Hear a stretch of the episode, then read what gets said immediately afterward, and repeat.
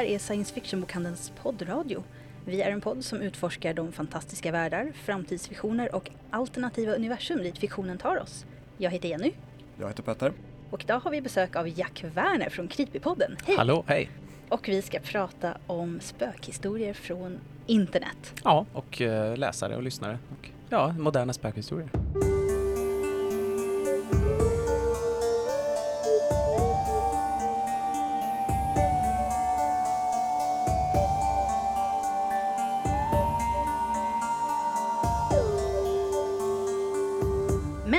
Börja med att eh, läsa upp en lyssnarfråga som vi har fått.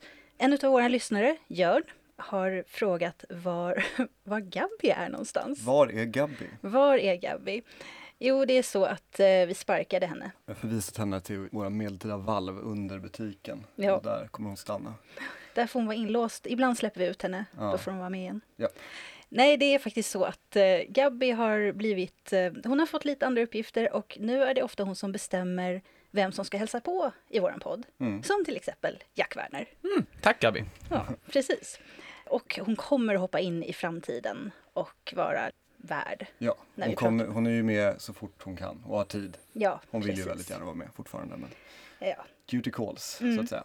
Man hade ju för sig gärna varit i de där eh, medeltida valven. De är väldigt skrämmande. Ja, jag har, Eh. jag har hört, när jag, för jag var ju på den här lilla turnén Mm, eh, hos er i Göteborg och hos er i Malmö och eh, vart så förbluffad över att Göteborgsbutiken var så stor. Mm. Eh, I spontant fick jag intrycket att det var den största butiken. Jag menar Malmö är ju pytteliten. ja, Men Göteborg var ju liksom gigantisk tycker jag. Mm. Och det är ju, de har ju det här fiket Sirius också, att då känns det som att wow, det här är världens anläggning. men det är så högt i tak där också. Ja, I Sirius. ja precis. Och då så sa de att eh, nej, det här är mindre än Stockholm. Men då Mm. antar jag att de kanske räknar in även de här lokalerna som vi sitter i nu och som ju inte ingår i...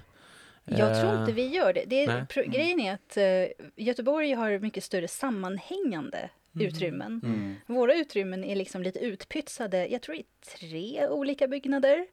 Och vi har lite, vi har ett rum här, ett rum där. Det är många av våra kunder som fortfarande inte har hittat upp till Nej, vår Harry Potter-avdelning. Den, är, den har vi gömt, så man aldrig ska kunna hitta den. Folk hittar inte trappan Nej. och de ser inte att det finns en ingång från spelavdelningen. Nej, det är lite svårt att hitta. Den är lite Mm. som en labyrint. Och de här medeltida valven är ju sådana, vi har inte dem öppna alltid, utan det är ofta när vi har event och sådär, till exempel Kulturnatten som är i Mm. Stockholm. Då brukar vi öppna upp och ha liksom lite rollspel Mm. och lite Precis. framträdanden, spå... Ja, vi har haft lite eh, sierskor där Mm, nere Precis. som har det är, skrämt det, upp våra är, kunder. det är, ja verkligen, det är medeltida va, det är Mm. liksom, Man brukar få boka då, för annars finns det inte. Jag kan tänka mig också att det är norra Europas eh, största brandfara att vistas där ja, nere. ja, Ja. mer eller mindre. Och syrebrist och hela Ja. den roliga. På medeltiden så var inte det någon riktig prio när man Mm, byggde hus liksom. Mm. Eller ja, det blev ju det, det här, vi ska inte prata om medeltida Stockholm nu, men om ni nu vill så råkar det vara ett intresseområde jag har och det Mm. blev ju det av, eh, av ja, man kan säga på förekommande anledning så blev det ju ändå mer så brandfaretänk efter ett Kan tag. tänka mig en viss, hade det med slottet att göra kanske? Ja, med mera. Det Ja, fanns okej. ju ett antal gånger som ett antal svenska städer brann upp. Ja. Eh. Så att, eh, då fattar man att det är nog en bra idé. Om. Ja, precis. Hur gamla är de här valven? Oj, vi vet inte. Eh, Jag har hört att det finns, det kanske du vet då. Nej. Eh, för jag, vi har, det Huset att, är från 1700-talet, men Ja. det är ju byggt på en annan grund. precis, Ja. vi vet att de- som är i företaget som är lite äldre i gamet och varit med länge, de säger att delar av den gamla stadsmuren är Ja. där nere. Den är ju lite halvmytologisk den där Ja, den är stadsmuren. Gamla stadsmuren, jag har läst någon sån eh, Stockholms stadspryl där de liksom försökte spåra gamla stadsmuren Mm. i kvarvarande murar. Mm. Eh, för det är där man kan hitta det, det finns ju inte kvar som fristående liksom. Och eh, då finns det ett par lite omtvistade liksom, delar i framförallt valv, där man Okej. säger att här tror vi att det skulle kunna vara det. Ja. Men det råder ju, så vitt jag vet, inte riktigt konsensus. Nej. Utan det är lite liksom, eh, möjligen är det. Och då, Ja. För då är ju det de, de gamla stadsmurarna och det är ju, eh, jag tr- tror att det är, fram till vad jag har läst i alla fall, så är, är det liksom omtvistat om den överhuvudtaget fanns, den gamla, gamla stadsmuren. Det finns ju en lite nyare stadsmur, typ, vad kan den vara, 1400-tal eller någonting. Men, Ja, det är den som de säger att man byggde Västerlånggatan Ja, efter. precis, ja. Ja. Ja, det blir ett hårt slag för alla kaféer och restauranger som Mm. påstår att de har en del av stadsmuren i sin Sorry. vägg. Ja, eh, Jörn hade dock en annan fråga och det Mm. handlade om våran mail. Ja, Den funkar nu. den funkar nu. Vi kan ju säga, vi har varit ovetandes om att våran mail som vi har tjatat om i alla dessa Månader avsnitt, i alla fall. Ja, månader, har inte har fungerat, fick vi till oss nu. Nej, så att tyvärr då, alla som eh, inte alla, för vi har fått en hel del frågor Mm. efter att vi fixade till de Så tekniska fort vi fixade problemen. de tekniska problemen så trillar in lite frågor. Ja, så att eh, Jack Werner, du har fått lite läsarfrågor. Premiären. Eh, ja, och de kommer vi ta upp eh, lite senare i programmet. Men den där ensamhetskänslan som ni måste ha haft när ni inte fick något mejl avsnitt efter avsnitt. Ja. Det var lite så här, är det någon som lyssnar Ja, överhuvudtaget? verkligen. Och vi är så här, Mm. mer och mer desperata Ja. för varje avsnitt som går. Att, Men därför vill jag säga verkligen tack Jörn för att du gick den här omvägen om vår andra frågemail som är liksom för hela bokhandeln och eh, faktiskt gjorde den ansträngningen. Det var, vi är väldigt tacksamma för det för att nu har vi rättat till ett, ett väldigt tråkigt fel. Men eh, nu ska vi prata creepypasta och creepypodden och creepy allting. Mm. Mm. ja, vi kan väl börja med, du började med att skriva en bok. Mm. För, när var, när var den kom från början? Den kom i augusti, september 2014. Mm. Och jag hade väl då börjat, jag skrivit den i ett år i alla fall. Jag hade ring, kring 2012, 2013 så hade jag väl liksom upptäckt, eh, eller, eller kan man väl säga fått tanken att det finns en bok i de här spökhistorierna på nätet. Inspirerad av liksom Bengt af Klintbergs vandringssägensamlingar tyckte jag att det här finns det en samtida folkloristisk berättelse att ta fram kan man säga. Och den föreslog jag för Galago och Galago sa ja, visst och sen ägnade jag merparten av, ja, senare 2013, första tidiga delen av 2014 med att liksom pyssla med det. Men då hade du gjort podden ganska länge innan. Nej, tvärtom. Tvärtom. Boken först, podden sen. Ah. Och boken igen. Ja. Eh, nu när vi sitter här med nyupplagan. Nej, utan eh, podden är ett direkt resultat av boken. Alltså, jag gav ut den boken och eh, efter det så var jag med i Morgonpasset i P3 några gånger Mm. och eh, berättade spökhistorier. Och vi liksom pratade om skräck på nätet och det är ju ett sånt fascinerande ämne som går att branscha ut på ganska många olika sätt. Man kan liksom prata om mytbildning kring krimfall som omdiskuteras på nätet. Det finns ju en del olika eh, liksom mordfall som haft mer eller mindre med internet och sociala medier att göra. Det finns eh, de här olika skräckfigurerna, eh, Jeff the Killer och Slenderman och allt det där. Mm. Och eh, jag hade pratat om det i Morgonpasset ett par gånger och initiativet, eller producenten i alla fall till Morgonpasset, Caroline Poron, vid ett tillfälle kom på att givet att det blir så mycket lyssnarinteraktioner när jag är med i Morgonpasset och pratar spökhistorier, då skulle det kunna bära kanske en helt egen produktion. Så han föreslog då att vi skulle kunna pröva att göra fem avsnitt av en podd som då handlar om de här spökhistorierna. Det mejlet fick jag, eller hon ringde mig när jag jobbade på Metro en dag i, ska vi säga att det var i mars eller i februari 2015. Och eh, jag tyckte det lät som en hur kul idé som helst, jättespännande. Det är ju liksom Ja, det har ju uppenbarligen lyckats otroligt. Ja, nej, men, men det var också bara själva, själva upplägget lockade mig väldigt mycket. Att, för om jag nämner då Bengt af Klintberg igen, vid sidan av hans mm. vandringssägensamlingar hade han ju i, jag tror att det handlar säkert om, jag var 15 år i alla fall, som han och en kollega drev radioprogrammet Folkminnen i P1 som gick ut på att berätta då bredare om egentligen etnologiska affärer, alltså det var mycket så. Har ni någon särskild dans därifrån du kommer eller har ni någon särskild folkdräkt eller har ni något särskilt bruk kring måltider eller resor, alltså att man efterfrågar den typen av brett folklivsaktiviteter eh, och som de sen återberättade. Och i folkminnen så var det också ganska mycket centrerat kring just berättelser. Och den, den produktionen har, en sån produktion har jag alltid tyckt vore så kul att hålla på med. Mm. Och den här poddidén liknade väl en sån i mitt huvud redan då. Så vi gjorde de där fem första avsnitten, den kom ut först i augusti 2000, eller sent i juli 2015. Och eh, det kom ganska mycket lyssnare ganska fort. Tyckte de i alla fall som jobbade på Sveriges Radio, de som satt och tittade på siffrorna, liksom, reagerade med att oj då, här, här kommer det folk. Och ja, sen gjorde vi fem ytterligare avsnitt och sen fick jag en beställning 2016 på att göra 35 avsnitt. Och den där beställningen har väl i stort sett bara förlängts årligen Ja. nu sen dess, Mm. kan man väl säga. Ja. Vad definierar en creepypasta? Finns det någon sån liksom? Ingen, ingen som alla skriver under på. Nej. Eh, ingen sån definition.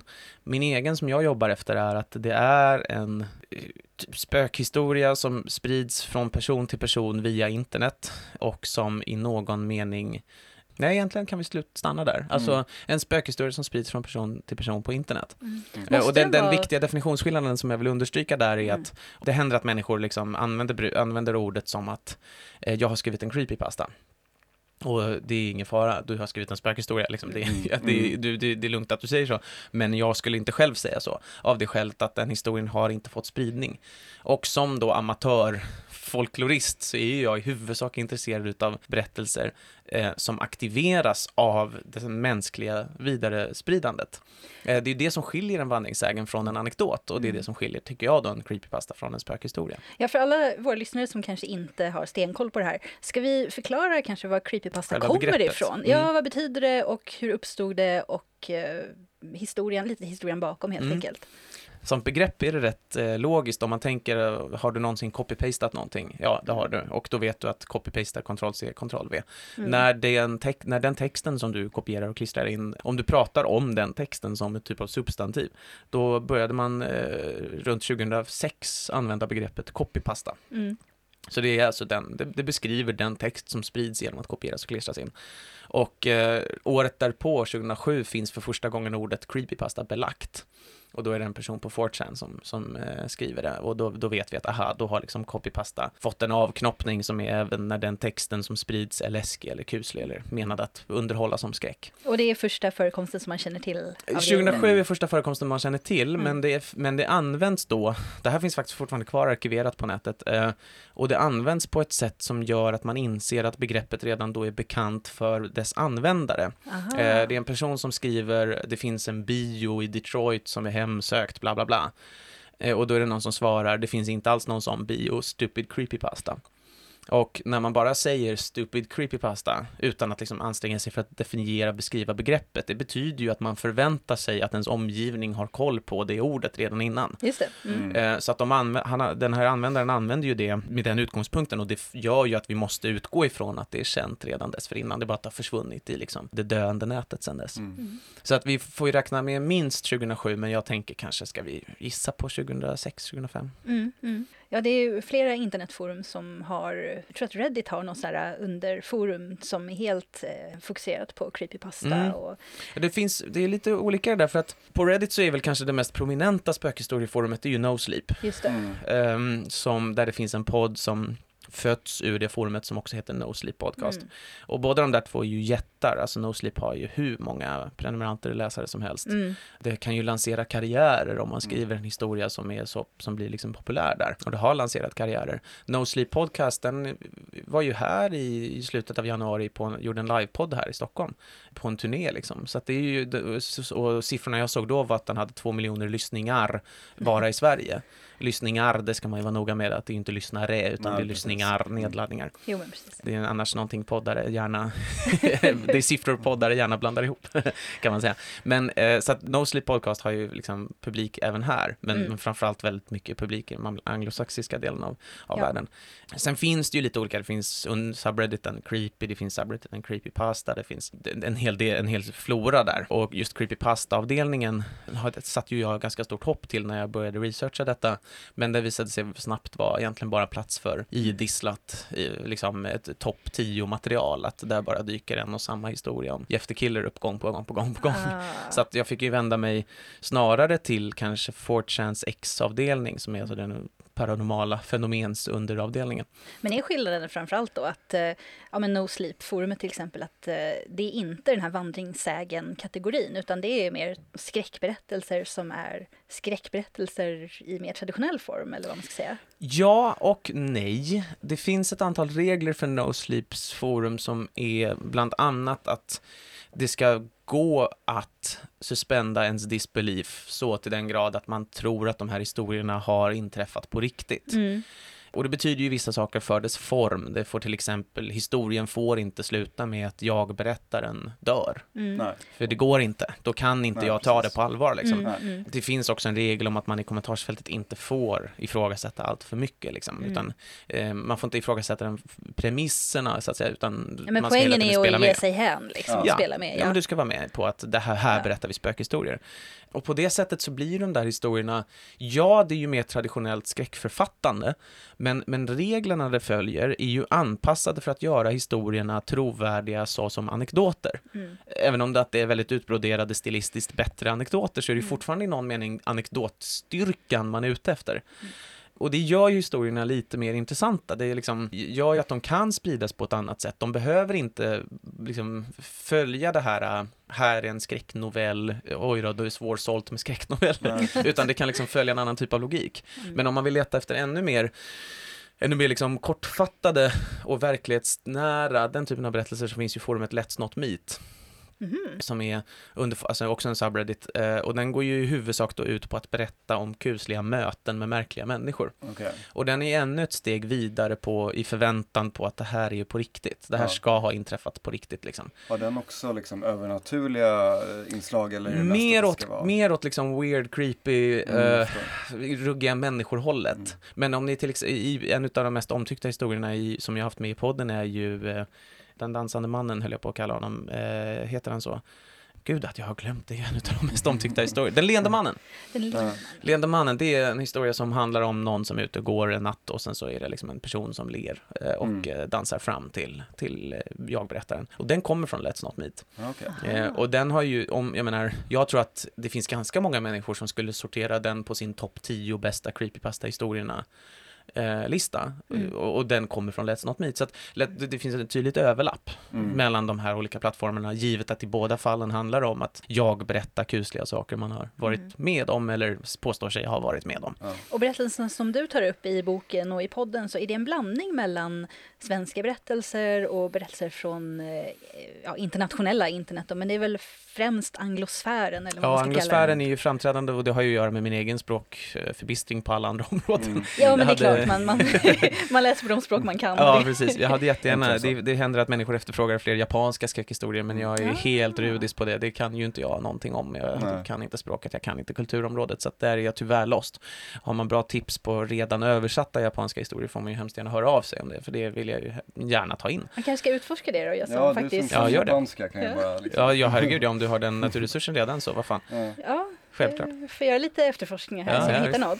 Ja. Men för att besvara frågan så, Ja. eh, det började ju, de första fem, tio avsnitten, det var ju nästan helt baserade på, på bokens historier, men också lite branchade ut därifrån. Mm. Barn med svarta ögon till exempel skriver ju inte jag om i boken, Nej, eh, så vitt jag minns, men det, var, men det var avsnitt ett för att det liksom var så pass, eh, vi, vi bedömde det som, jag, jag tror faktiskt inte egentligen vi bedömde det som så starkt, utan för, de första fem avsnitten kom till så att vi bestämde ett antal historier. mm. Eh, och sen typ satte vi med de historierna på post-it-lappar på en vit tavla och bara satte ihop dem i grupper Mm. utefter om vi tyckte de passade bra ihop. Ja, en Mm. av mina kollegor är ju, alltså hon lyssnade på första avsnittet och var så här Åh, det var så läskigt, jag klarar inte av det här. För hon är ju jätterädd för läskiga barn. Mm. Och det, om man redan är det så är ju det en av de värsta historierna man kan lyssna på tror jag. Ja. Läsa. Repetati- repetitiva dock. Mm. Ja, de dyker ju upp rätt så... Ja, ja, det, det är bara att det finns inget mer sen. Alltså de Nej. står där utanför dörren, de Ja. ringer på, de vill in, du bjuder inte in dem, för om du Mm. hade bjudit in dem hade du öppnat en dörr, dörr i historien som du inte vet hur du ska Nej, Ja. precis. Om du inte är en extremt begåvad författare vet Mm. du inte vad som ska hända sen utan Nej. att göra läsaren besviken. Det och så stannar det där. Så Mm. det finns ju väldigt det finns ju, eh, jag har ju nu ändå tyckt mig läst igenom en del sådana där och det finns liksom inte så mycket att bygga på där Nej. efter att själva Nej, det är mer som en scen. Ja, det är eller scen. en tablå. Ja, än, och där än- finns det en ja. likhet till Slenderman tycker jag, att Slenderman är en väldigt mycket bättre karaktär än vad det är historier. Mm. Som karaktär är Slenderman fantasieggande och intressant. Mm. Eh, men historien om Slenderman, nästan alla är rätt ointressanta. Mm. Ja, jag tänker att den, Slenderman blev ju mycket av de här bilderna som lades upp, Mm. eh, som sades vara tagna för jättelänge Mm. sedan, om man Mm. ser den här mystiska karaktären i bakgrunden. Eh, Träsnitten som Ja. påstås föreställa Slenderman från 1500-talet. Alltså, Precis. hela den här liksom crowdsourcade historieskaparkampanjen. Ja. Det är ju det spännande. Mm, Mm. precis, det blir att du bygger mycket på den som Mm. tar in bilderna och liksom lägger upp pusselbitarna själv i, i skallen liksom. Mm. Det är ju alltid bättre än... Ja, apropå på det liksom, om, om man tänker på Slenderman då, de här bilderna från, som påstås vara från 1500-talet. Men måste creepypasta vara annars modernt? För att, eh, eller kan man berätta det liksom ur- ur en historisk synvinkel? Det, Det har ju med trovärdigheten att göra där igen då. Ja. Alltså om du kan hitta ett sätt så, som jag, gör att jag logiskt kan acceptera att jag följer en 1500-tals eller en 1200-tals eller en 1800-tals person. mm. Fine, då är jag ju med på det. Men du måste ju först hitta vägen vägen in i Just den det. förutsättningen. Ja. Men eh, till exempel, jag menar en historia som har varit med i podden och som har fått ganska stor framgång på nätet, det är ju en som jag har översatt till natt, Nattlinan. The Nightwire. Och den är ju en, vad är den ifrån, 30-talet? Eh, handlar om en tidningsredaktion. Den är tydligt Lovecraft-inspirerad Mm. kan man väl säga. Handlar om en tidningsredaktion, eller, eller egentligen en, alltså eh, AP, nyhetsbyrå-redaktion. Där det börjar komma in märkliga meddelanden över en utav telegraflinorna. Mm. Och eh, den har ju alltså verkligen klarat sig på nätet. Den Mm. har liksom med egen kraft kunnat leva vidare och spridas vidare. Så att det, det, det är ju inte så att de nödvändigtvis måste spela, utspela sig i exakt idag och exakt här. Men de måste utspela sig någonstans där det är logiskt att eh, historien har, kommit, har nått oss. Ja. Eh, och då kan det ju till exempel vara svårt att få en logisk förklaring till att någon har Mm. nedtecknat en historia på 1400-talet och jag känner Mm. till den nu. Hur Mm. känner jag till den nu? Ja, men då Mm. kanske du får lägga in att jo, jag var på ett arkiv och där hittade jag det här Mm. och så vidare. Så ska jag bara snabbt avsluta också för svaret på frågan om, för att det, det Ja, började ju, de första, de första tio avsnitten var ju då alltså mycket internethistorier. Men som förutspått av Caroline då, så ganska snabbt började det komma in eh, lyssnarhistorier. Mm. Och den första lyssnarhistorien jag hade med hette Vindsluckan eh, och var en ganska kort, den är med i boken, nyupplagan faktiskt, den var en ganska kort beskrivning av hur en, eh, man, en, en människas eh, föräldrahem hade liksom en vindslucka som det då sammanfattningsvis spökade om kan man säga. Och efter det så började ju lyssnarhistorierna dyka upp allt oftare. Ja. Ehm, nu idag får jag ju mellan 20 och 50 i veckan. Eh, Och eh, merparten av det redaktionella arbetet med podden är ju att läsa och Mm. respondera på och sortera de där historierna. Men hinner du verkligen läsa allt det där? Ja, jag hinner läsa allt det. Mm. Det gör jag. Det, och jag sätter viss ära i det också. Att Ja. det, det, liksom, det ska inte... Skickar man in en historia till mig, då är det minsta man förtjänar ett svar. Mm. Och att jag har läst och liksom, tagit till mig Mm. av det de skriver. Så att ja, det får man. Mm. Och ja, det, det tycker jag är, är helt vettigt och rimligt att man ska kunna förvänta sig. Mm. Men så idag är ju proportionerna ja, minst 60-70% lyssnarhistorier. 30% övrigt. Nu de senaste, om vi tittar på de senaste par avsnitten så har ni ju en, en Reddit-historia per avsnitt kan man väl säga och övrigt är ju ofta lyssnare då. Mm. Och jag tycker väl att den där balansen, jag gillar den där balansen lite grann. Jag gillar ju liksom att få historien att bottna i, eh, i, i lyssnaren själv och det gör man ju väldigt bra med lyssnarhistorier. Men jag tycker också om att på något sätt plocka in andra moment utifrån. Det finns någonting spännande, om vi har Getmannen som kanske är det bästa exemplet, på en figur som ju är, ja, angloamerikansk i sin liksom uppkomst och i sin, även tydligt angloamerikansk i sin, i sin eh, form. Alltså Getmannen kommer ju från en sån här liksom amerikansk tonårskultur på 50-talet när Ja, man just typ satt i sina cabs och så här Mm, åkte mm. ut till ödeplatser och hånglade. Alltså det är Mm. ju därifrån Getmannen Ja. springer. Ja, från absolut den Ja. första början. Och då är det väldigt kul tycker jag att överföra Getmannen till en svensk miljö och se vad som händer. Mm. För att ibland är det ju så att man märker på en historia att, ja men okej, här har du liksom bara tagit karaktären Getmannen och byggt något kring den och det är kul. Mm. Men ibland så är det ju också att det är som att upplevelser som människor redogör för, man märker att de har fått en annan förförståelse av upplevelserna. Att det som förut kanske bara var, jag var med om någonting konstigt som jag inte kan förklara, nu plötsligt har fått ett, ett namn, en affisch, liksom. man säger, aha, det var Getmannen. Mm. Och det där tycker jag om, när man liksom kan korsbefrukta eh, olika kulturområden och se vad för genre som rinner ut ur det. Mm. Mm. Mm. Det är superspännande. Mm. I början så, hade, får du rätta mig om jag har fel, men i början så var det ju ofta att ni tog, översatte direkt från engelska från Reddit då till exempel.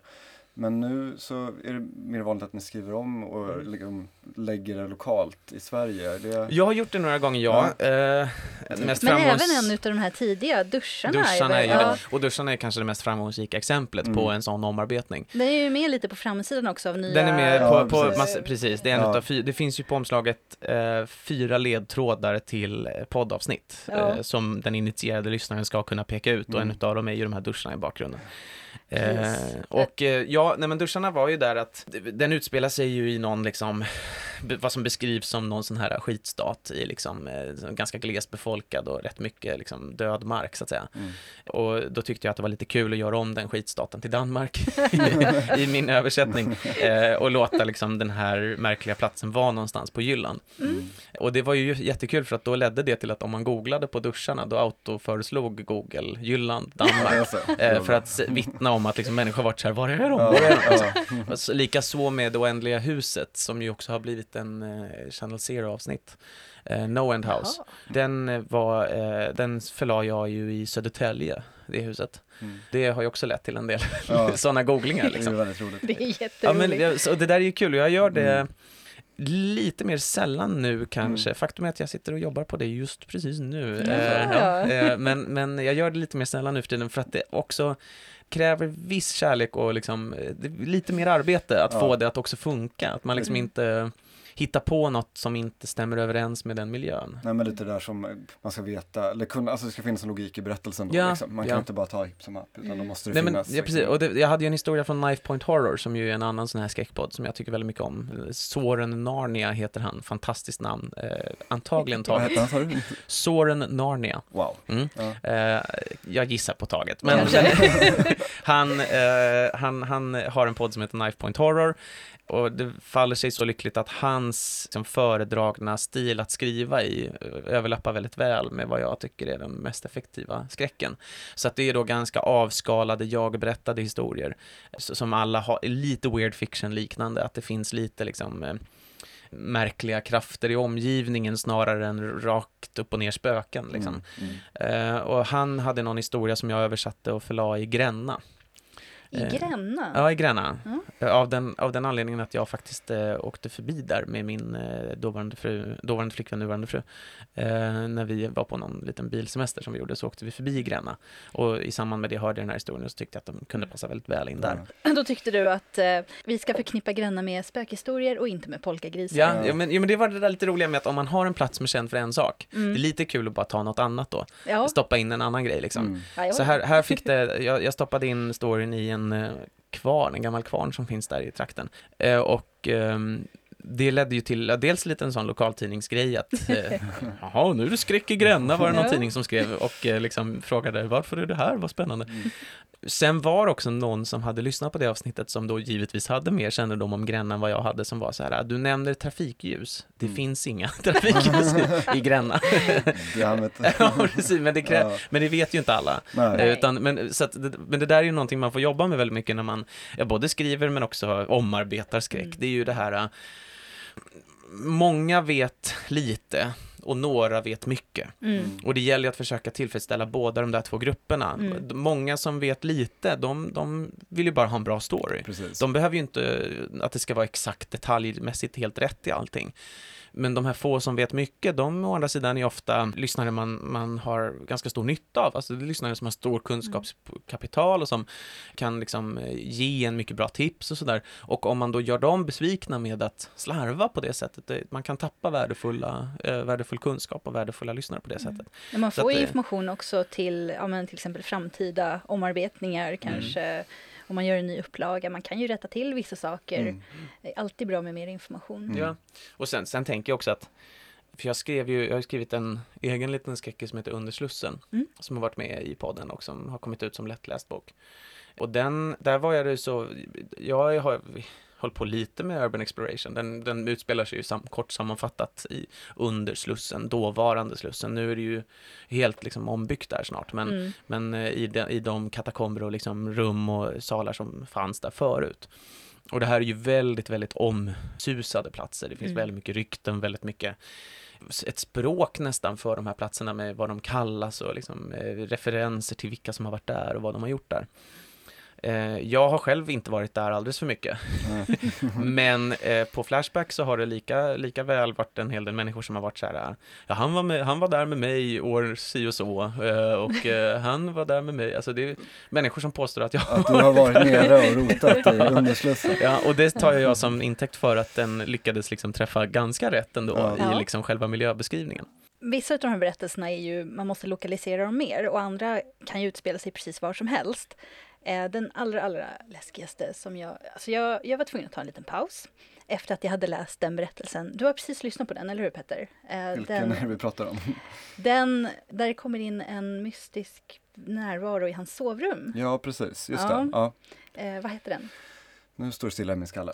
Och vi ska inte spoila, för hela grejen är ju lite... Jag du, vet. du spoilade den för mig Ja, kan jag ju säga. förlåt. Men jag, jag, Är den jag, ny eller gammal? Den är gammal faktiskt. Ja. Jag, Mystisk närvaro gammal. i sovrummet. Alltså han... Är det också en knife point? För det finns ju en som är kvinnan som säger jag är saken från ditt sovrum. Det här är Eh, någon som inte säger någonting utan, eller jag, Man kan säga att han, han känner av att det är någonting som kommer från tvättstugan. Han bor i sina föräldrars Ja, källare. ja, ja, ja, jag vet precis. Jo, men det är en av Mm. de stora favoriterna, ja. Mm, just det. Mm. Eh, ja, precis. Det, men den är ju nästan synonym med sitt slut. Ja. Alltså alla gånger jag pratar med människor Ja. om den så Mm. nämner de händelsen i slutet. Ja. Så att, eh, ja, Ja. jag vet inte hur mycket spoilern här, hur mycket man spoilar, men, men för all del, låt oss respektera. Vad hette avsnittet? Det minns inte jag, jag vet Jag faktiskt bara vad den, ja. ja, jag, jag minns faktiskt inte vad avsnittet heter. Jag vet bara att, eh, att just den här historien tillhör en av de som flest nämner. Ja. Ja, för det är inga, alltså det är... Det, det som var speciellt med den historien framför allt, många av de andra har ju också följt med efteråt, men den här vägrade att släppa taget. Mm. Alltså månader senare Mm. så jag skulle lägga mig och sova och det är så här, tankarna bara kommer. Och eh, jag kunde bara inte släppa, släppa den här ångesten som, som den här historien hade framkallat. Mm. Men är det en historia som kommer från nätet eller från en läsare, lyssnare? Jag kan lägga till att det är avsnitt 16 och det heter Hem, trygga hem. Just det, Ja, Hem, hem. Och jag Hem, undrar om inte Hem, trygga hem, då måste det nästan vara en, eh, om det är avsnitt 16, då är det nog rimligen en näthistoria Ja. och inte en lyssnarhistoria, för då hade vi inte börjat få in så värst mycket lyssnarhistorier än. Eh, Men den är ju väldigt generaliserbar, den berättelsen. Man, Ja. kan, eh, man kan ju, många kan liksom känna igen sig i det här liksom. Man, Och det är någonting som händer i ens privata hem Ja, under väldigt så här, allmänna former. mm. Eh, det finns ett sovrum, det finns en tvättstuga, det är ett hus, Ja. det är en eh, vanlig heter, person. historien heter Källaren tror jag. Eller hur? Ja, det, det, det låter väldigt pikant. Nej, det är en Reddit No Sleep-historia. Ja. Mm, Ja. Mordecai. Men det är så mycket skräck att man måste ju bara antyda vad det är som egentligen händer. Att man Mm, får ju aldrig precis. avslöja, man får ju aldrig förklara sig. Nej. Det är väl också en av grundteserna i Creepypasta. Man får Det är det inte ju. säga Mm. liksom. Nej men det där är jätteintressant, jag, för att jag har själv, eh, nu när jag har läst så himla mycket lyssnarhistorier och skräckhistorier, så har jag ju börjat liksom få syn på de kanske mest klassiska misstagen. En utav dem, Mm. som flest gör, är ju att ehm, antingen beskriva det skrämmande momentet, om vi bara sammanfattar vad det nu kan tänkas vara, en Mm. kraft, ett monster, en sak. Antingen beskriva det skrämmande momentet för tydligt, vilket gör att det inte finns någonting kvar för min fantasi att göra. Mm. Eller inte beskriva det tydligt nog alls, utan att det bara är en dålig stämning eller att det är någon typ av Mm. öppet, väldigt öppet liksom som bara pågår. Vilket gör att min fantasi inte ens har någonting att klamra sig fast vid. Så att det du måste göra hela tiden är att hitta den där jämvikten. Och om vi återgår till Slenderman, eh, en av de bra saker som har gjorts kring Slenderman, det är ju Marble Hornets. En YouTube-serie som i stort sett lanserade Slenderman som, som liksom figur. Den eh, började publiceras ganska kort efter den här första tråden där man liksom hittade på Slenderman. Och eh, det är en YouTube-serie som handlar om en person som, en kille som gör en studentfilm, ett studentfilmsprojekt, och sen plötsligt så lägger han ner det utan någon närmare förklaring, ger alla filmkassetter till sin kompis och säger bränn de här filmkassetterna. Men den här kompisen vet hur mycket arbete som har gått in i det här och han vill inte bränna dem. Istället börjar han titta igenom dem och varje gång han hittar något konstigt så lägger han upp det på YouTube Ah. och säger det här Mm. hittade jag i de här senaste. Mm. Ja. Och det blir snabbt tydligt att den här studentfilmskillen har liksom varit förföljd utav vad som senare visar sig vara Slenderman. Mm. Det här är ju ett så här nollbudgetprojekt. Det här är ju någonting några har pysslat med på fritiden. Och eh, det fina med nollbudgetprojekt är att du inte har resurserna att göra en alldeles för tydlig bild utav vad det skrämmande Ja, är. Precis. Utan du måste hela tiden nöja dig med att antyda, Ja. med att liksom visa silhuetter, eh, Mm. visa rörelser i mörkret. Och det är ju en, det är en tillgång faktiskt. Mm. Du får här- kreativitet ofta. Liksom Ja, ja, och jag som lyssnare har, eller tittare i det här fallet, Mm. har ju mycket, mycket mer att göra själv. Jag har mycket Mm. mer att själv fylla i. Vad Mm. kan hända här? Ja. Liksom? Mm. Men, så att, men, men så att du måste hela tiden öppna upp för att jag kan ställa mig den här frågan. Vad skulle kunna hända nu? Mm. Eh, och det är ju där jag tycker att folk liksom inte riktigt alltid hittar fram till mellan de här två lägena. Antingen liksom berättar man för lite eller så berättar man för mycket. Mm. Ja, det är, men det är ju ganska svårt kan jag tänka mig. Det är en jättesvår Ja, balans. det är- Supersvår balans. Ja. För du måste ju, du måste ju ha den här, åtminstone något isande tillfälle av konkretion. Mm. Eh, eh, liksom en, det finns en historia med något tidigt avsnitt som eh, utspelar sig, det är några som är på en expedition i djungeln eh, och sen i en scen så ser de liksom ett ansikte i buskaget. Eh, och det ansiktet är inte jättetydligt beskrivet men det är tillräckligt tydligt beskrivet för att jag ska, det, det har jag, den scenen har jag liksom kvar i huvudet ännu. Mm, För jag tyckte den var ruggig. Och den där scenen, liksom, den måste du hitta fram till. Mm. Eh, Du måste hitta fram till ansiktet i buskaget, åtminstone en gång. Och sen kan du för liksom låta det vara lite oklart, men, men, men vi måste ha en, en närkamp liksom. Mm, mm. Mm. Och det där har ju också att göra med att som författare så tror jag att du måste undanhålla dig från att skriva allt på lyssnarens eller läsarens näsa. Jo. Men jag tror att du måste veta det själv. Ja, det där tycker jag är jätte, jätteviktigt. Mm. Och jag tycker också att det är ganska lätt att märka när författaren inte har tänkt så långt. Mm. Det blir Ja, supertydligt. det blir pappfigurer ju, Ja, som bara springer runt och följer någons regi. ja. Och, och det kan ju vara okej, men då ska ju det vara historiens poäng. Liksom. Ja, ja visst. Ja, men det, är, men, det, men, men det här är svårt. Alltså det där, det, jag har ju, eh, i, när jag var i Malmö så rekommenderade jag lite boktips där för, Mm. eh, under, den, under det samtalet. Och då rekommenderade jag Michelle Pavers Dark Matter men också eh, Dan Simmons The Terror som är en historisk roman som bygger på eh, den verkliga Franklin-expeditionen som genom, genomfördes på 1850-talet för att hitta Nordostpassagen. Blev en tv-serie nyligen också. Blev en tv-serie Precis. på Amazon Mm. Prime och eh, boken är utmärkt, jättebra. Eh, men i tv-serien så hade man renodlat antagonisten Mm. ännu lite mer och plötsligt så var hans handlingar så pass nyanserade att de till och med blev begripliga på ett sätt. Mm. Alltså hans motivation blev ännu mer eh, uppenbar Mm. och därmed ännu mer förståelig och han som karaktär blev väldigt mycket mer intressant. Mm. Så att du måste ju liksom också, jag ha, ha den där idén om inte annat själv Mm. för vad det är som, varför saker och ting pågår. Eh, och sen, som sagt, inte alls skriva det på näsan, men Nej. ibland bara visa att jo, men det här har ett skäl. Saker och ting har en anledning. Liksom. Precis, verkligen. Och det tänker jag också, men ja, man pratar om creepypasta, rent bara strukturellt så är det ju, det är ju en konst det där och liksom få det att, att man är med lite i, i berättarens huvud hela tiden och hur man är liksom planterad i vad hen vet. Och jag vet inte, jag har som exempel, den här slottsvakten är en av dem. Då är det en scen där han vaknar mitt i natten och buffar till sin flickvän. Och den scenen är så himla snyggt, liksom eh, rytmen i den scenen är så jävla snygg för att det är typ man följer med honom och typ när han inser att det är någonting som inte riktigt står rätt till är i samma stund som man som lyssnare gör det också. Mm, mm. Och då blir det så, ja för mig blev det supereffektfullt och man Mm. var så här liksom Och det är när man verkligen har Mm. lyckats med alla de här eh, ögonblicken Mm, som precis, ska vara liksom, avgörande. Mm. Slottsvakten var också en sån där som jag tyckte passade så himla bra på slottet just. Ja, ja, Ja. Eh, men som den blev ju på, den blev ju där på Drottningholm istället. Jag hade först tänkt mig slottet men så blev det Drottningholm. ja, Och det är ju väl perfekt skräcksetting givetvis. Du står där mitt i offentligheten men du får inte röra på dig. Det är, Nej. ju- alltså det är ju en sån, om man bara tänker på upplägg, liksom jättetjusigt upplägg. ja. Det var ju någonting som hände när jag var lite yngre och var på skolutflykt till slottet. Eh, och min lärare förklarade varför man inte fick gå innanför, nu var det här ett antal år sedan så jag vet inte om det har slutat nu. Eh, det var mer än 20 år sedan. Mm. Då råkade hon kliva över den här första linjen. Och, eh, Blev skjuten. nej, men han gjorde geväret redo. Ja. Jaha, okej. Ja, Oj, visst. Ja, Men, ja, men eh, och i det finns det väl också någonting i och för sig då. Att Mm. så här, ja, men, eh, du kan, man letar ju lite grann tycker jag i skräck ofta en typ av besvärjelse. Att A leder till B. Mm. Eh, en, logi, en inneboende logik i, Mm. i händelseutvecklingen. Eh, och när människor följer en typ av ett strikt regelverk som inte tillåter någon mänsklighet. Då finns det ju ganska mycket upplägg för läskigheter i det. Mm. Och den där typen av ja, soldatmanöver är ju en sån grej. Lite. Mm, Att det känns mm. som att oj, jag har bara råkat trycka på en knapp här. Mm. Och, För med helt uttryckslöst ansikte Ja. som Ja. inte ens tittade. Nej, nej, Mm. nej, nej, Visst. exakt. Det är Mm. superbra.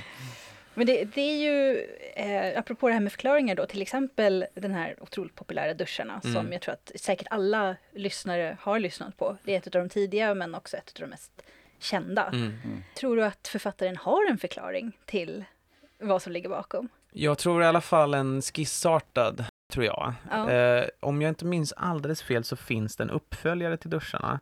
Mm. Och nu Ah. minns inte jag här och nu om det är samma person. Jag tror att det kanske är en annan människa, så det tar ju bort hela kanongrejen då. Men, eh, men jag tror nog, jag, tror, jag tycker att själva den, de scenerna är så sammanhängande. Ja, Eh, att, att jag tycker att, ja, det verkar finnas någonting. Men det där är ju, det, det, du har ju inne på något där, att den där historien har ju liksom gått över till en annan typ av, där är det ju inte riktigt en logik. Det är inte så här, sak A händer som följer, och så följer B på det och så följer C på det. Utan det är ju mer att det finns en plats och Mm. på den här platsen är saker och ting ställda utanför naturens lagar. Mm. Och Ja, det, Men någonting som fångade min fantasi väldigt mycket, det var ju den här personen som de träffar på efteråt. Som säger så här, vi håller inte på med det där längre. Ja. Just Mm, det. just det. Ja. Ja. Mm. Vad betyder det? Ja, precis. Ja. Och man tänker att det måste, någonting har ju hänt och Ja. vad kan det vara? Mm. Men jag tycker att det blir en väldigt bra historia för att de inte förklarar vad det är som har hänt Ja, inom visst. Mm, historien. mm. Men man blir ju extremt nyfiken. Ja. Ja, visst.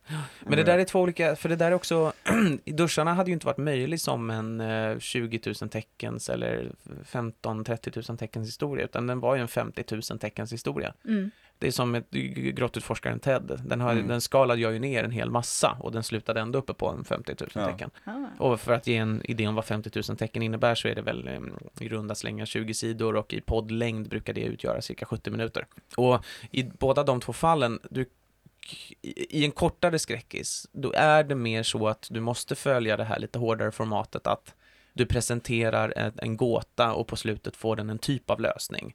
Det vill säga, eh, jag var, på, jag var i min sommarstuga och eh, det eh, var någonting som rörde sig i väggarna. Senare fick jag höra att, Mm. alltså att den typen av logik. Men i de här lite längre historierna där du liksom, det finns verkligen ganska tydligt två olika grupper där den ena är mer så här, åh jag tycker så mycket om tio svenska stories. Och typ den där korta grejen där de är på någon semesterort och sen så är det, det går ett barn förbi i korridoren men alla deras barn ligger i sängen och sover. Mm, mm. Då är det bara en, vadå, en liksom 3000 teckens grej. Det är en sån pytteliten. Eh, och sen den andra gruppen som tycker jättemycket om de här längre, liksom eh, mera episka nästan, liksom eh, Lovecraftska skräckberättelserna. Du nämnde ju Lovecraft tidigare Mm. för en liten stund sedan. Och eh, det där är ju någonting som han gör väldigt mycket. Det är just han, han använder ganska mycket text till att skapa en stämning. Mm. Och det är det som ska vara, man ska ju följa med huvudpersonen i det som, som han är med om.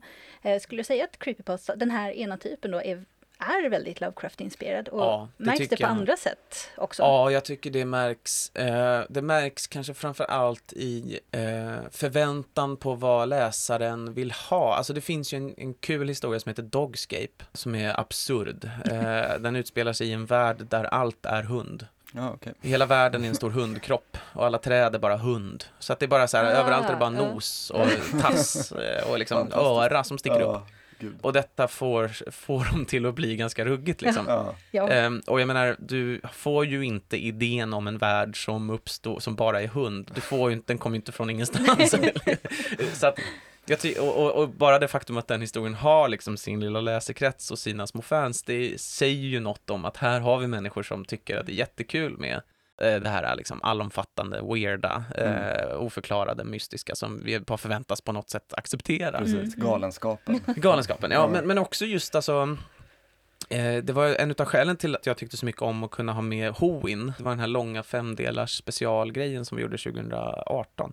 Det var ju för att, dels för att det är eh, en imponerande historia. Det är liksom 260 000 tecken skrivet utav en person helt fram improviserat på Twitter. Andreas Eriksson har skrivit den historien och har improviserat fram den tweet för tweet. Wow. Ja, Ja, det är en jävla häftig Ja. insats. Ehm, svindlande. men det är också för att den har det här lite, nu är han, han har andra inspirationskällor, men, men han, jag tycker att det finns någonting vad han gör där när han säger att här finns en uråldrig liksom, eh, historia som bara går att skönja i folkberättelserna. Den, den, om vi tittar på den, då kan vi få en förklaring till liksom vad det är som händer idag. Och det där är ju också lite, lite Lovecraft, att det börjar letas bland papyrus, om du Mm. förstår vad Så. plötsligt pyramiden handlar om, då förstår du liksom Mm. den här skräckmiljön. Det, och det där är... Men också lite i grunden att man inte, att det går lite bortom människors förstånd. Mm. Ja. Det, är inte, det går inte att sammanfatta med en människas förstånd. För det, det är många som säger det att Lovecraft inte är läskig. Nej. Det, Mm. Jag tycker att det, det beror ju helt på hur man läser honom. Mm. Men också att i hans senare berättelser så börjar han ju förklara sitt universum. Och då blir det ju mycket mer science fiction än Ja, skräck. Ja, ja, det är Mm. mer precis sammanhållande liksom, universum det utspelar sig. Men det, för det där, en del av den skräcken, den creepypastan som handlar specifikt om internet, det finns ju en, sån, en del sån självreflekterande Ja. liksom lite grann. Ehm, den, den utgår ju ganska mycket från klassisk bild egentligen, en, en klassisk fråga som har ställts nästan alltid sen tillbaka till Frankenstein. När slutar en människa vara en människa och börjar bli maskin?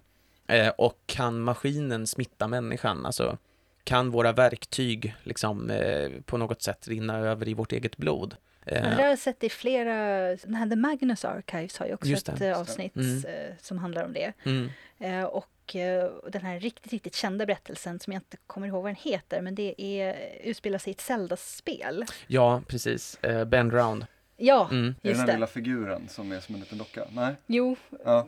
Många sådana här spelhistorier är ju sådana, att det liksom är, eh, liksom när slutar spelet vara ett spel, när, när, när tappar du makten för att du mm, liksom plötsligt blir en del av ett annat universum. Ja. Och den där, alltså, det där tror jag har ganska, det där går ju att dra en linje mellan det och Lovecraft. Mm. Alltså eh, frågan om liksom, eh, när, när ditt bekanta vanliga universum liksom plötsligt byts ut i någonting helt annorlunda där liksom allting är ställt ur spel.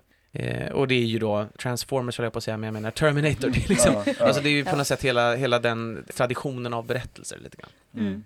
Matrix och allt det där. Ja, precis. Det börjar bli dags för oss att runda av lite så att jag tänkte att vi kanske skulle avsluta med våra lyssnarfrågor som vi har fått. Fått till vår mm. mail? Ja. Magiskt. Wow. Mailen. Mailen fungerar. vår fungerande mail. Ja. Ska vi börja med den som, som eh, ställdes två gånger faktiskt? Mm. Kort och gott så här, om du tror på det övernaturliga. Den är inte helt ovanlig den frågan. Nej, eh, och eh, mitt eh, tråkiga svar där är att jag än så länge inte har varit med om någonting som har övertygat mig. Jag tror ju att ehm, tron på det övernaturliga är en mycket individuell, vad ska man kalla det, en individuell övertygelse. Det går inte att liksom läsa sig fram till det, utan det måste upplevas. Och därför så säger jag att eh, givet att jag inte har någon egen upplevelse som har fått mig övertygad så ja, då väntar jag på den dagen en sådan inträffar. Ja. Och eh, sen kan jag återkomma. ja, ett bra svar tycker jag ändå. Mm. mm. Ja. Kanske för att jag tycker likadant. Ja, ja, ja, precis. ja men det är en lockande hållning. Den är, ganska, ja. den är lite feg. Ja, men det är även den som gör att man eh, ändå kan liksom, ge kraften i, i de här berättelserna också. Kan jag tycka, ja, ja, men precis. Man blir skrämd ändå. Liksom. Ja, men exakt. Att det här handlar ju om, eh, då, då, ser man det på det sättet så är ju de här berättelserna vittnesmål från människor som har varit med om precis. det där. Mm. Eh, och som gör att de har blivit övertygade. Och, men det är ju därför jag också inte så få historier inleds med att personer antingen bedyrar att de absolut aldrig har trott på någonting övernaturligt fram till den här händelsen, mm. vilket är lite klyschigt. Det är liksom, det, det, en smula kanske. Ja, det, det, är lite svårt att, jag, jag, jag försöker skala bort det om jag kan, för att det är lite så här, mm, jo, jo, mm. jag vet. Mm. Men det är ännu värre är ju när människor öppnar med att säga jag har alltid trott på det övernaturliga. Eh, ja. Och jag är dessutom kanske lite medial. Ah, eh, för att då kommer din berättelse, jag menar om du, om du börjar med att säga det, Jaha, men du lägger ingen energi på att liksom, övertyga mig som person som kanske inte delar den liksom, Nej, precis, inställningen. Du lägger ingen energi på att övertyga mig, få med mig på det tåget. En del av en välberättad skräckis är ju resan från att eh, någonting omöjligt inträffar till att du accepterar att det här möjliga har, omöjliga har inträffat. Eller mm. kanske inte accepterar det, men lever med det på något sätt. Eh, och den ska ju inte helst inte skrivas på näsan i den meningen att det ska vara så här, jag kunde inte tro att det hade hänt. Utan det kan på något sätt liksom skildras, att, att så här, du har varit med om det här, vad ska du göra nu? Liksom, ditt liv kommer inte bli som det var förut. Hur ska du hantera det? Mm. Man är ju själv delaktig i den här upplevelsen och det är därför som den är så viktig tycker jag. Ja, men visst, precis. Mm. Och då kan du inte, då, då blir det tyvärr inget bra att öppna med jag har alltid trott. Så det här Nej. blir bara ännu ett exempel på att jag har rätt. Ja, screw guys. Mm. Uh, sen har vi då från Emily i Stockholm. Hon undrar uh, hur du avgör vilka historier som får vara med i, i podden och boken och sådär. Uh, det är ju väldigt blandat men jag, jag har ju ett par regler och de, de, de, de tydligaste reglerna som jag går efter de är ju att en historia i Creepypodden framförallt, det ska ju då vara jag berättade historier som utspelar sig i en tid och en verklighet nära våran egen eh, och som ska, om man vill, gå att uppfatta som autentiska. Mm. Eh, och då utesluter man till exempel att det slutar med att jag berättar en dör och man, mm. utesluter, att, man utesluter att det är en 1700-talsperson som berättar om något den har varit med om. För då blir det lite mer så här upphittad dokumenthistoria. Ja, ja kan, du kan lösa det. Du kan lösa Jag berättar en dör genom att placera berättelsen i en ja, upphittad dagbok. Och du kan lösa 1700-talsgrejen genom att eh, låta en arkivarie hitta historien. Men, men det kan liksom inte gå så långt utanför det, utan Nej. du måste, du måste eh, hålla sig inom de här ramarna och jag mm. gillar generellt ramar. Mm. Eh, och jag tycker framförallt om ramar i skräck, för att ramar i skräck är, det gör det enkelt för nybörjaren att kasta sig in och pröva sina vingar. Och det gör det svårt att bryta mot formatet överraskande, Mm. vilket gör att de som lyckas ofta lyckas väldigt väl. Mm. Ja, och det finns ett stort värde i att behålla formen av olika berättande. Alltså om man tänker på poesi till exempel, så finns det ju verkligen en anledning till att en, ett haiku, en haiku till exempel, alltså att den, den är formgiven på ett väldigt bestämt sätt. Eller en sonett för Mm. den delen. Mm. Mm. Eh, och eh, att olika typer av eh, fiktiva berättelser eh, kallas för olika saker. Det är en novell om den är kortare, det är en Mm. roman om den är längre. Liksom, man prövar sin, eh, sina färdigheter på olika sätt genom Mm. att skriva efter formatet. Jag tycker att det kan vara väldigt inspirerande att skriva efter ett format Mm. också. Jo, men om inte annat för att man också lär sig när det är dags att bryta mot de där reglerna. Mm. Eh, och att, för det är ju först då man börjar liksom kanske själv uppfinna någonting. Så att jag har ju de här reglerna och ibland när jag tycker att här är det värt det, då bryter jag mot dem. Mm. Så, så att, eh, och jag tycker man ska förhålla sig så till regler generellt. Ja, att, ja. eh, Precis, bemästra grunderna, för då vet du när du kan bryta mot Precis, Ja, exakt. precis, precis. Så att så tänker jag väl i vardagen och sen när det kommer till lyssnarhistorier då finns det ju eh, generellt grovt uppdelat i två klasser den ena är den korta, mer anekdotiska vardagsberättelsen och det andra är den längre, mer genomarbetade, novellartade historien. Och de där två tävlar ju i varsina klasser då, så att Mm. det betyder att jag mäter ju inte en kortare liksom, anek- anekdot mot en längre novell. Så sparar jag dem eh, i ett eh, Google-dokument och eh, och sen kan de ligga där för evigt.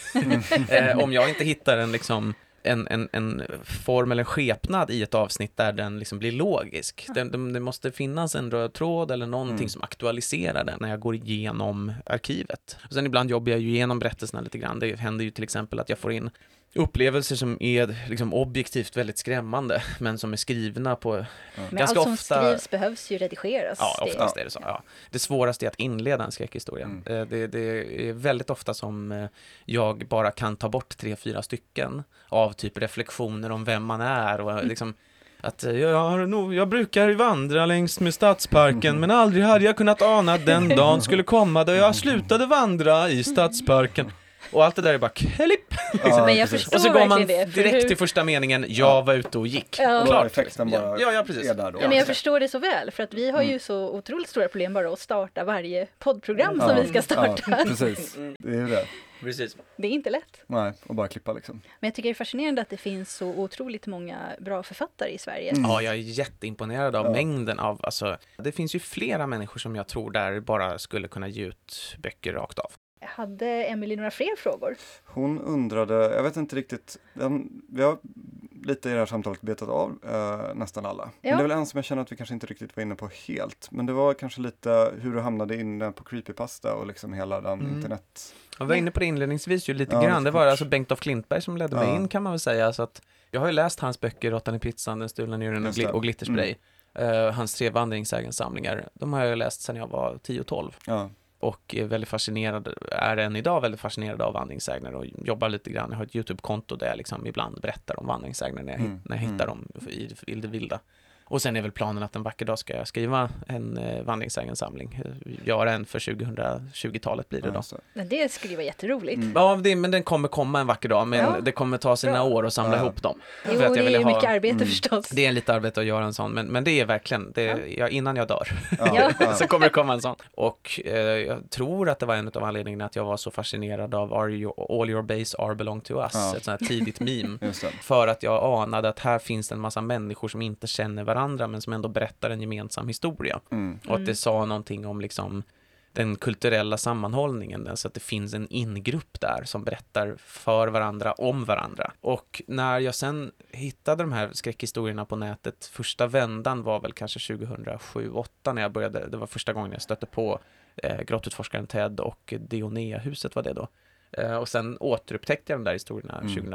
2013-12. Och i samband med det läst, så, så läste jag eh, Råttan i pizzan igen och insåg att det här är en direkt parallell. Det här, är, ja. ja, det här är ett kulturområde på samma sätt som vandringsägarna var det. Mm. Det finns en bok i det. Ja. Så det är inte direkt en slump att du kom in på det, utan det är, du hade redan intressen i den vägen. Ja, Och det var Mm. naturligt att söka dig till de typerna av ja men jag är, jag, är, jag är i första hand intresserad av berättelsen, liksom som sådan. Mm. När vi berättar saker och ting för varandra, vad är det vi egentligen berättar om då?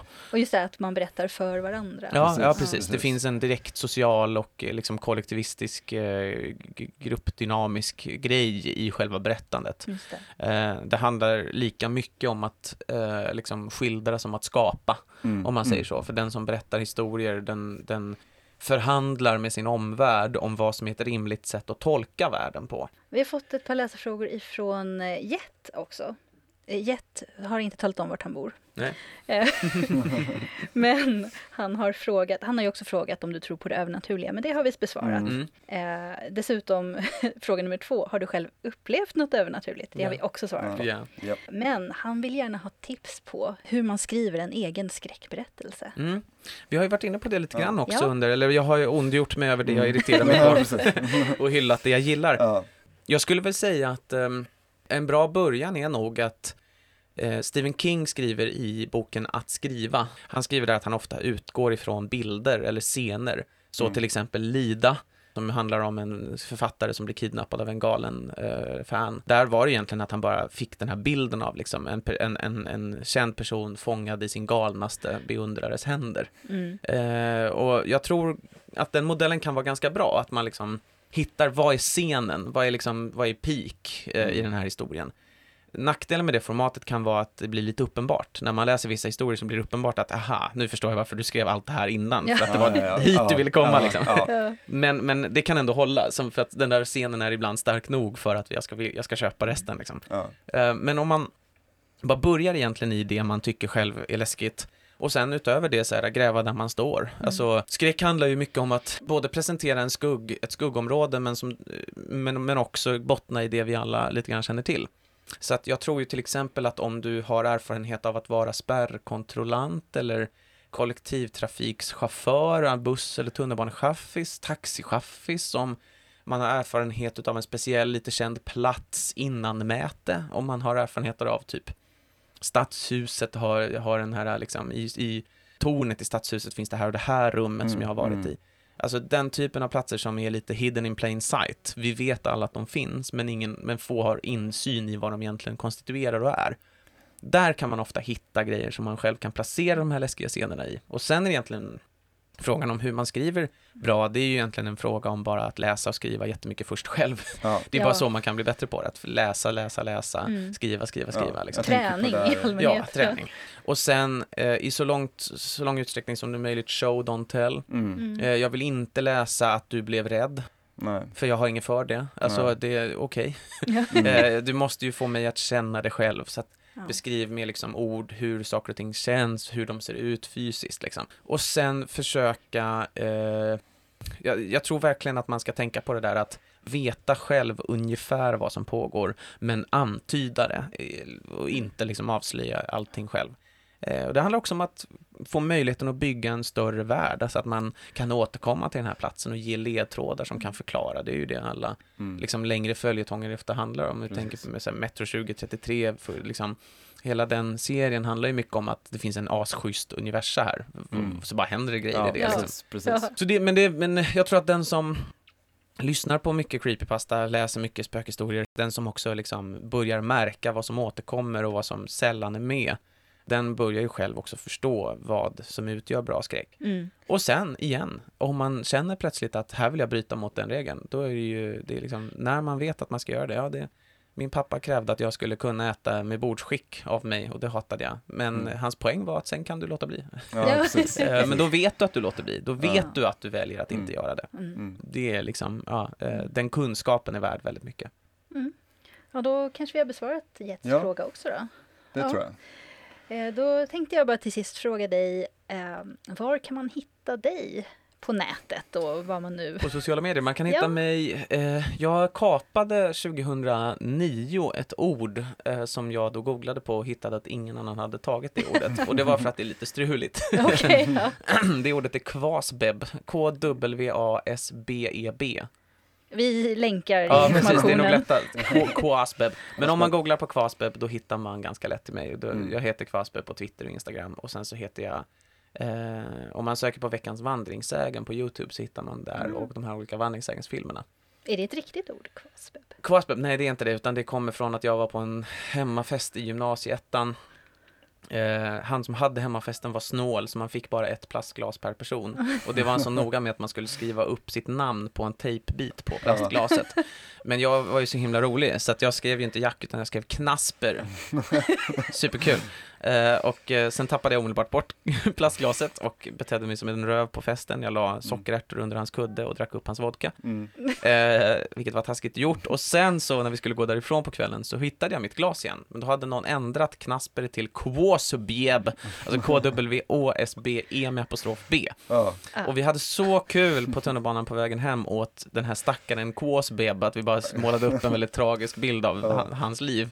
Att jag sen go- morgonen efter googlade på Kvasbeb och hittade noll träffar. Och Ja, då, precis. då visste jag, Då visste du. ja det här Det här är, ordet har fötts. det är ordet har fötts och det är nu, nu jag. Ehm, Perfekt. Sen kan man, om man googlar på Jack Werner så finns det jag och en kille i Alingsås och han är 50-årsåldern. Mm. Eh, Ja. Så det är i stort sett bara jag som blir kvar då.